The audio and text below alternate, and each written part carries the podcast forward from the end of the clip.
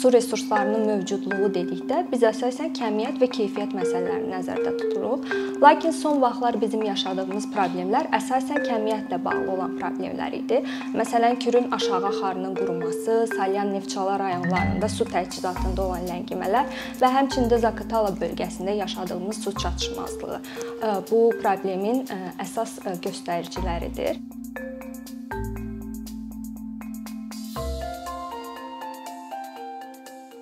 Son vaxtlar su resursları ilə bağlı yaşanan problemlər bir anda bütün medianın, tədqiqatçıların və həmçinin də ekoloji problemlərlə bir o qədər maraqlı olmayan hər bir kəsin marağını bu sahəyə yönləndirdi. Və ümumiyyətlə su resurslarının mövcudluğu dedikdə biz əsasən kəmiyyət və keyfiyyət məsələlərini nəzərdə tuturuq. Lakin son vaxtlar bizim yaşadığımız problemlər əsasən kəmiyyətlə bağlı olan problemlər idi. Məsələn, Kürün aşağı axarının quruması, Salyan Neftçala rayonlarında su təchizatında olan ləngimələr və həmçinin də Zaqatala bölgəsində yaşadığımız su çatışmazlığı bu problemin əsas göstəriciləridir. Və suyun kəmiyyəti ilə bağlı yaşanan problemlərdə əsasən özünü qısa müddətli və uzun müddətli olaraq göstərir. Qısa müddətli dedikdə biz əsasən e, su təchizatında qısa müddətli e, ləngimələr, e, çayın periodik olaraq quruması kimi problemlər bizim qarşımıza çıxır. Kəmiyyətlə bağlı yaşanan problemlərin uzun müddətli tərəfləri isə bu qısa müddətli problemlərə vaxtında yanaşılmaması nəticəsində vəziyyətin ağırlaşdırılmış şəkildə qarşımıza çıxmasıdır və su resursları ilə bağlı yaşanan problemlərin ən ağır vəziyyəti su qıtlığının yaşanmasıdır. Təbii ki, biz düşünməməliyik ki, Azərbaycanda su qıtlığı yaşanmayacaq və bizim su resurslarımız boldur. Əslində belə deyil. Dünya Resurslar İnstitutunun araşdırmasına əsasən Azərbaycanda su stressi orta yüksək olaraq qiymətləndirilir və bu da böyük bir göstəricidir.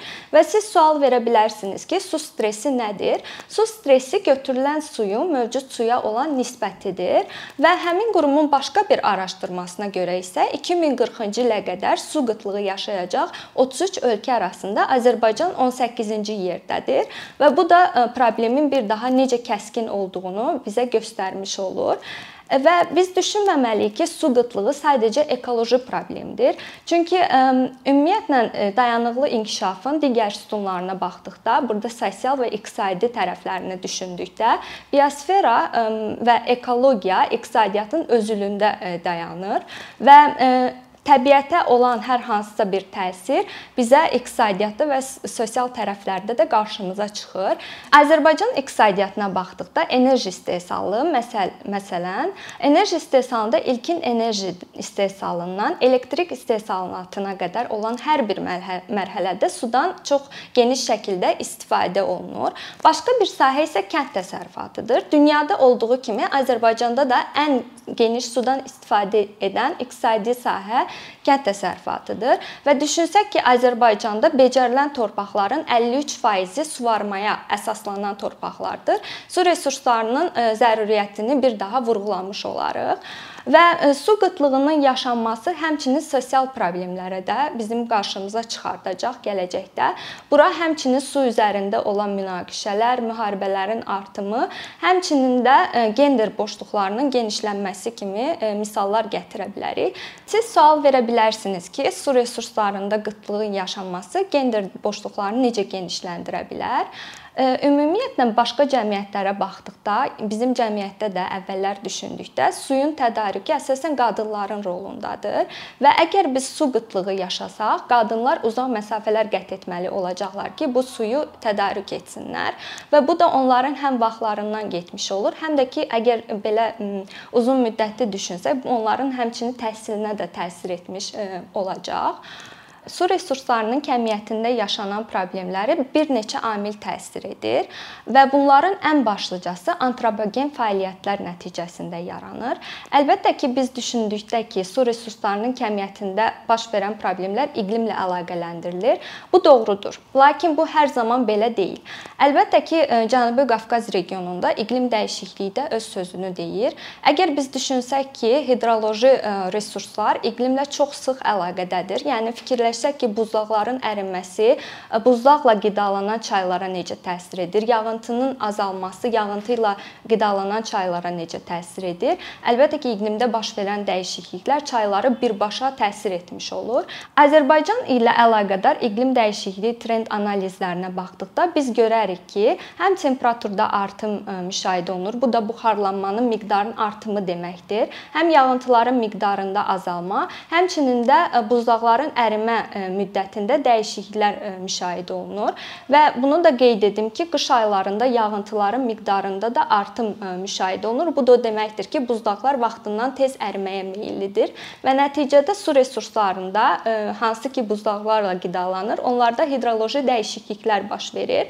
Və təbii ki, iqlim dəyişikliyi sadəcə olaraq bir amil deyil. Burada başqa e, faktorlar da öz sözünü deyir.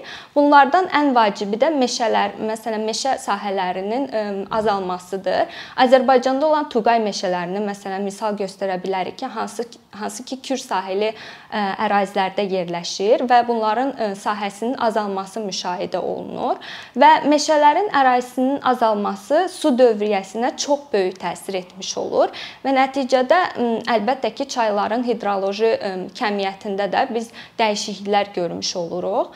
Başqa bir amilə isə hidroloji qurğuları misal göstərmək olar. Məsələn, Kür çayında Mingəçevirdən sonrakı hissəyə baxdıqda təbii axımını çox az miqdarda görmüş olarıq. Çünki burada bir çox su anbarları, kollektorlar, su tutarlar və bir neçə hidroloji qurğular qoyulmuşdur.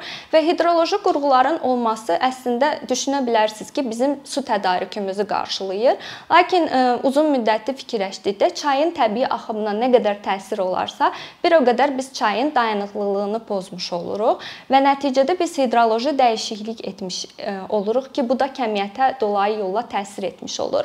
Ümumiyyətlə Azərbaycanda e, daha çox hard pass dediyimiz, yəni e, ağır yanaşma üsulundan istifadə olunur bu hidroloji məsələlərə yanaşmada. Yəni biz çalışırıq ki, daha çox resursdan istifadə edək və böyük qurğular qurmaqla su resurslarının daha çox tələbatı ödəmək üçün daha çox su götürək.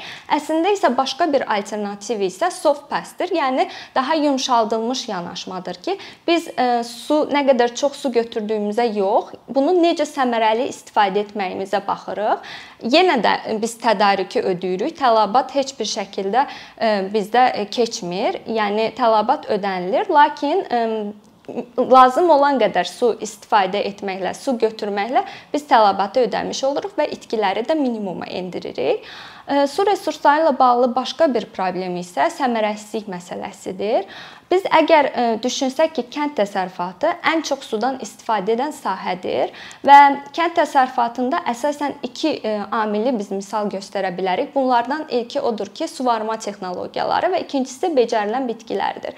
İlkini götürsək, suvarma texnologiyalarında Azərbaycanda bu əsasən bir çox itkilər baş verir suvarmada və texnologiya özü də yetərincə səmərəli deyil və başqa bir amil qeyd etdiyim kimi becərilən bitkilərdir. Əgər biz becərilən bitkilərə baxsaq, hansılar ki, sudan çox istifadə edir, məsələn, kartofdur, düyü, buğda və yaxud da e, pambıq kimi bitkilər, Azərbaycanda 2000-2018-ci illərdə bunların əkin sahələrinə baxdıqda e, kəskin dəyişiklik, yəni kəskin artım müşahidə olunur və bunlardan ən vacibi mən vurğulamaq istədiyim pambıqdır ki, 2000-2018-ci illər ərzində pambıq bitkilərinin becərildiyi sahə 31%-ə qədər artmışdır. Əgər biz pambığın becərildiyi rayonlara baxsaq, bunlar əsasən suvarmaya yönəlik rayonlardır ki, bunlarda çox ağır şəkildə suvarmalardan istifadə olunur ki, pambıq becərilsin. Bu da təbii ki, təbii amillərin qeydə alınmaması nəticəsində becərmə metodlarından istifadə etməyi göstərir. Və bunu da qeyd edim ki, Azərbaycanda biz əgər su səmərəliliyinə baxdıqda 14% azalma müşahidə olunur su səmərəliliyində. Təbii ki, bu sadəcə bir sahəyə aid deyil. Biz bunu məişətə də əlavə eləyə bilərik. Məsələn, təbii artım əlbəttə ki, çox böyük rol oynayır biz nə qədər su götürdüyümüzdə. Lakin adam başına düşən su istehlakına baxdıqda, əlbəttə ki, burada da dəyişikliklər müşahidə olunur. Məsələn, 4% artım var 2015-2018-ci illər arasında. Bizim gündəlik sudan necə istifadə etdiyimizdə Bura əlbəttə ki, dolayı yolla bəzi faktorlar da təsir edir ki, bu 4% həmin faktorları nəzərə alınır. Məsələn, bizim gündəlik həyatda nə qədər qida tullantısına yol verməyimiz, Əgər düşünsək ki, kənd təsərrüfatı çox böyük sudan istifadə edən sahədir və bizim tulladığımız qida miqdarını düşünsək, bu əlbəttə ki, itirilmiş suya da bərabərdir. Və son olaraq da mən qeyd etmək istəyirəm su resurslarındakı cari yanaşmanı. Ölkədə əsasən su resurslarının idarə edilməsində cari yanaşma texnokratik bir üsula əsaslanır. Bu da nə deməkdir? Əsasən su sahəsi üzrə olan alimlər, tədqiqatçılar, siyasətçilər bir araya toplanıb bu məsələlərin həllinə çalışırlar. Lakin biz düşünsək ki, su resursları çox inteqrasiyalı bir sahədir. Yəni bir sahədə baş verən su resurslarına təsir etmiş olur və su resursları resursları sahəsində təsir alınmış qərarlar digər sahələrə təsir olur.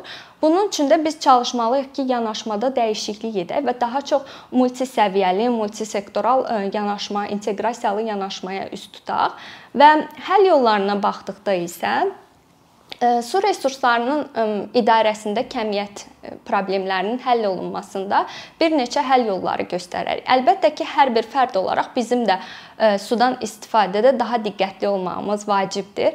Əgər düşünsək ki, biz hal-hazırda COVID pandemiyası ilə vuruşuruq və gündəlik əl yuma praktikamızda daha e, tez e, keçirməyimiz vacibdir.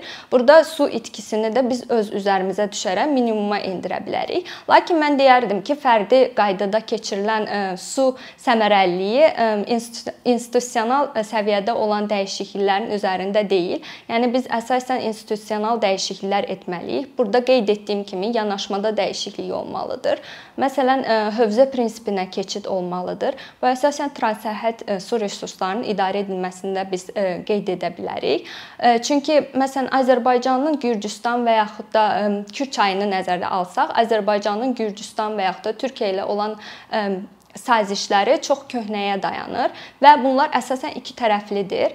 Əgər biz hövzə prinsipinə əsaslansaq, burada hər bir ölkə, transsərhəd ölkələr bir araya gələrək əməkdaşlıq sıx əməkdaşlıq qurmalıdırlar ki, daha dayanıqlı e, su resurslarımız olsun və gələcəkdə heç bir problem e, yaşamayaq. Və son olaraq da əlbəttə ki, səmərəliliyin artırılması üzrə addımlar atılmalıdır. E, bunlara misal göstərdiyim kimi, məsələn, becərilən bitkilərdə daha diqqətli olmaq və təbii amilləri nəzərə almaq, həmçinin də texnologiyanın dəyişilməsi ki, daha səmərəli üsullardan istifadə edərək su itkisini minimuma endirək.